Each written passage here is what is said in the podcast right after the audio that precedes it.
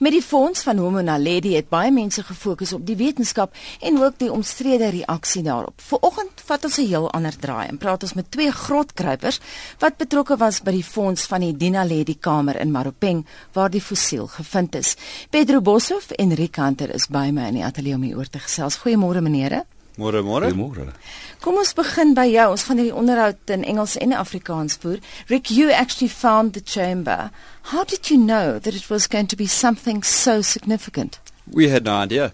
At that point, it was Stephen and myself. We went into the chamber, and the cave just extended. We saw a few bones on the floor. We saw the fossils, and that was uh, when we saw the jawbone and the mantle. We realized there was something important here, but we had no idea how big. Was it a kind of a eureka moment when you saw, ah, this might be interesting or not? Uh, honestly, in the beginning, we thought it was a person we had found. Ah. But uh, to, uh, take a look at the rest of the material there. We thought we need to actually speak to Pedro about this, and he sent us back in to take photos a, a few a few days later. How long did you spend in the cave initially? No, five to six hours. It was uh, a decent caving trip that we had that evening. Well, all I can say, Ricante, is you're obviously not a man that suffers from claustrophobia. I am actually. you are. I'm terrified of elevators. I cannot. Uh, I'd rather take uh, take the steps instead of an elevator. but you feel differently about caves? Now trust natural rock. All right, so you're not claustrophobic, obviously, if you spend five to six hours in there. But how do you manage to contort your body through those spaces? There's some areas where I actually need to exhale to move my body through when you're looking at 17 centimeters or 16 centimeters, where you force your body through, but it's all driven by curiosity. And you exhale. I exhale. I have exhaled to get through to areas where most people can't fit. It sounds fascinating. Petra, kom ons kyk 'n bietjie oor uh, die fondse. Ons weet dit was baie omstrede. Ons kry nou nog terugvoer nie net van politieke leiers nie. Ons kry dwars oor die bank. Trouens, een van die koerante in Suid-Afrika het besluit om nie die storie enige verdere aandag te gee nie, want dit is so omstrede. Uh dit gesê, hoe voel julle oor hierdie omstredenheid? Uh van 'n van 'n persoonlike oogpunt af uh ja.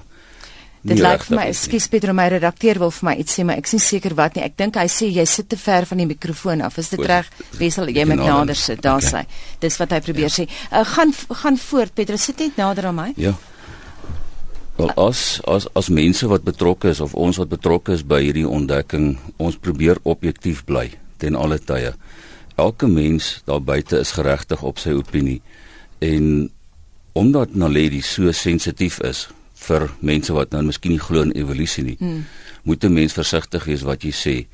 So maar ons laat elk elkeen daar buite toe om sy eie opinie te vorm. Ons gaan niemand forceer om ons wat ons sien en wat ons glo te aanvaar nie. Elkeen moet maar glo wat hy wil. Ek bly net vir eers by die kritiek want daar is helaas baie kritiek. Mm. Uh maar daar word ook gesê en dit is vanuit wetenskaplike oorde Mm. dat jy moes hierdie inligting eers teruggehou het. Wel, die fonds self is gemaak 2 jaar terug. Sedertdien het 60 van die wêreld se beste wetenskaplikes gewerk op hierdie fonds. En die gevolgtrekkings wat gemaak is, is nie gemaak uh omdat ons uit dit uit ons duime uitgesuig het nie. Mm. Baie duidelik nie. Weereens van die wêreld se beste wetenskaplikes het op hierdie fonds gewerk en hulle opinies is saamgevat in die uh bevindinge wat wel gemaak is. Rick, how do you feel about the controversy? I'm curious to see as far as it goes because as these guys have uh, published everything, it is now open for pu- public speculation, and they able to uh, people are now able to form their opinions and actually go, go for it. Kom ons kyk 'n bietjie na ander fondse. Julle het nog 'n fonds gemaak, die Armageddon grot. Dis uh, dis die oudste grot. Gaan voort, Pedro. Hoewel volgens wat ons kan sien, is Armageddon grot definitief die oudste dateerbare grot in die wêreld, Hoe oud is dit? amper 1.9 tot 2 biljoen jaar oud. Miljard, miljard. Biljoen. Ja, biljoen is biljoen is 'n miljard in Afrikaans. Dis okay. Maar maar gaan voort. So dis ontsettend oud. Dis geweldig oud en die rede hoekom ons dit kan sê is die grot se struktuur of onderliggende struktuurbeheer assosieer definitief met die Vredefort impak wat ons weet vir 'n feit het gebeur om en by 1.9 tot 2 biljoen jaar gelede. Dit is verseker. Hoe meet jy die tyd? Hoe hoe kan jy dit meet? Hoe weet jy verseker? Binne in hierdie grot is daar wat ons noem laaghoek verskywings en rotstipe wat jy noem melaniet of skiste. In hierdie skiste is daar 'n mineraal genoem seresiet. Mm -hmm. En seresiet kan gedateer word met argon argon datering.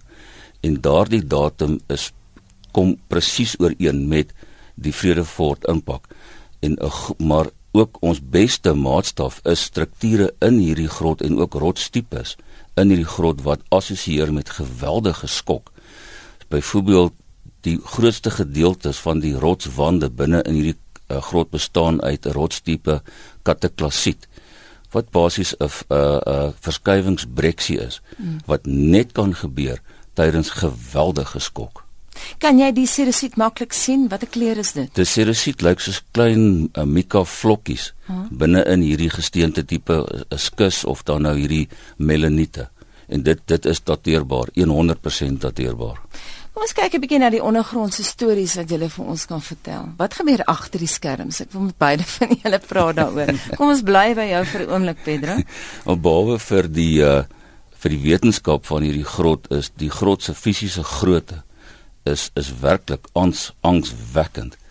Nou ja, ek was al ek ek ek kruip nou in grotte rond al vir wat 35 jaar. Hmm. En ek was in honderde grotte af en elke keer wat ek in hierdie grot moet afgaan dan dan is ek redelik benoud.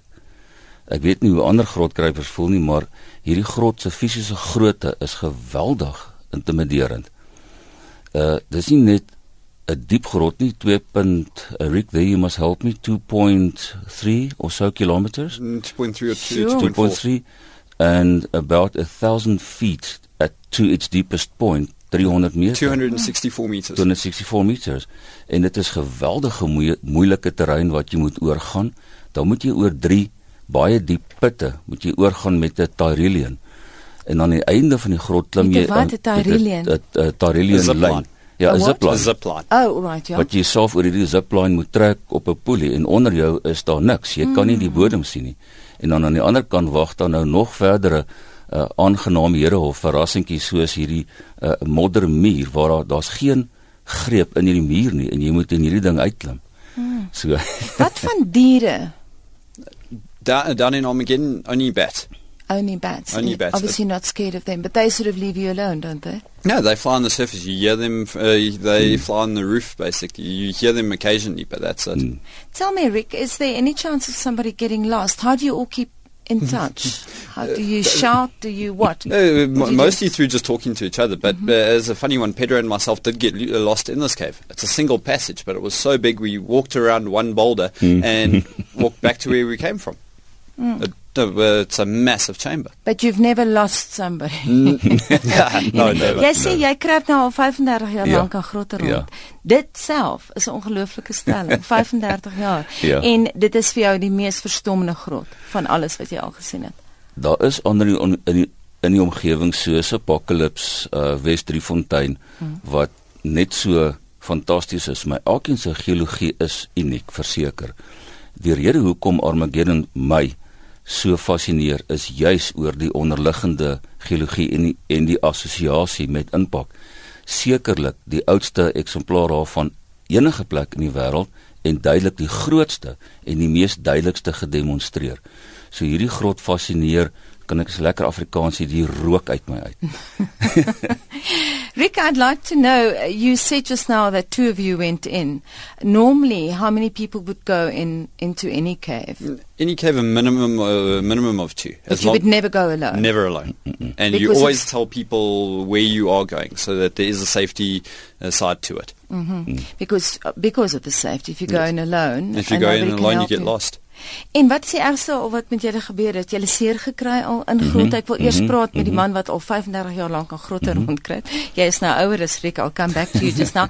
Um het jy ooit seer gekry? Ja, vers, verseker, verseker. Uh in hierdie grootstelsel Rising Star het ek gaan staan en vassit in 'n uh, relatiewe wat ons nou noem maar 'n squeeze. Ja. En toe ek my probeer deur die ding forceer het ek het ek ribbes gebreek. Hmm.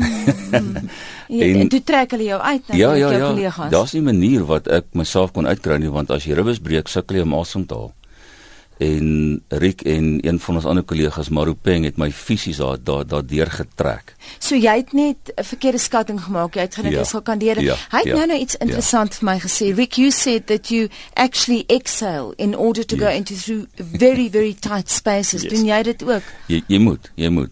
Maar uit die aard van die saak, ek kan nie, dit is vir my onmoontlik om deur 'n 16 cm mm. gaping te gaan. En en Rick kan dit doen, ek kan nie. Ek Nou kan moet ek vir luisteraars verduidelik, uh, Pedro Boshoff is 'n groot man, baie groter as Rick Hunter, maar jy wou sê ek kan wat doen? Ek kan omtrent met 'n uh, goeie poging kan ek so 25 cm, would you say 25 cm? Close to that. En en dan moet ek dit nou nogals druk. Maar 16, dit gaan nie gebeur nie. Rick and for you have you ever miscalculated? yes. I went through a squeeze and I broke my collarbone Wait, when was this? a few years back. I was pushing to get through a squeeze and I felt a pop and I got through and the that morning I actually woke up and I couldn't breathe because of the pressure on my chest and I had realized I actually broke the collarbone. And uh, just one last question, have these mishaps made you more conservative Yes. in your approach? most definitely. Ja, die man wat so sê is Rick Hunter en saam met hom by my in die ateljee is Pedro Boshoff en met die fonds van hom en Naledi het baie mense gefokus op op die fonds en die en die politieke aspekte daarvan en die terugvoer en die omstredenheid, maar die twee manne was selfs daar. Hulle is soos Pedro gesê het, grotkruipers.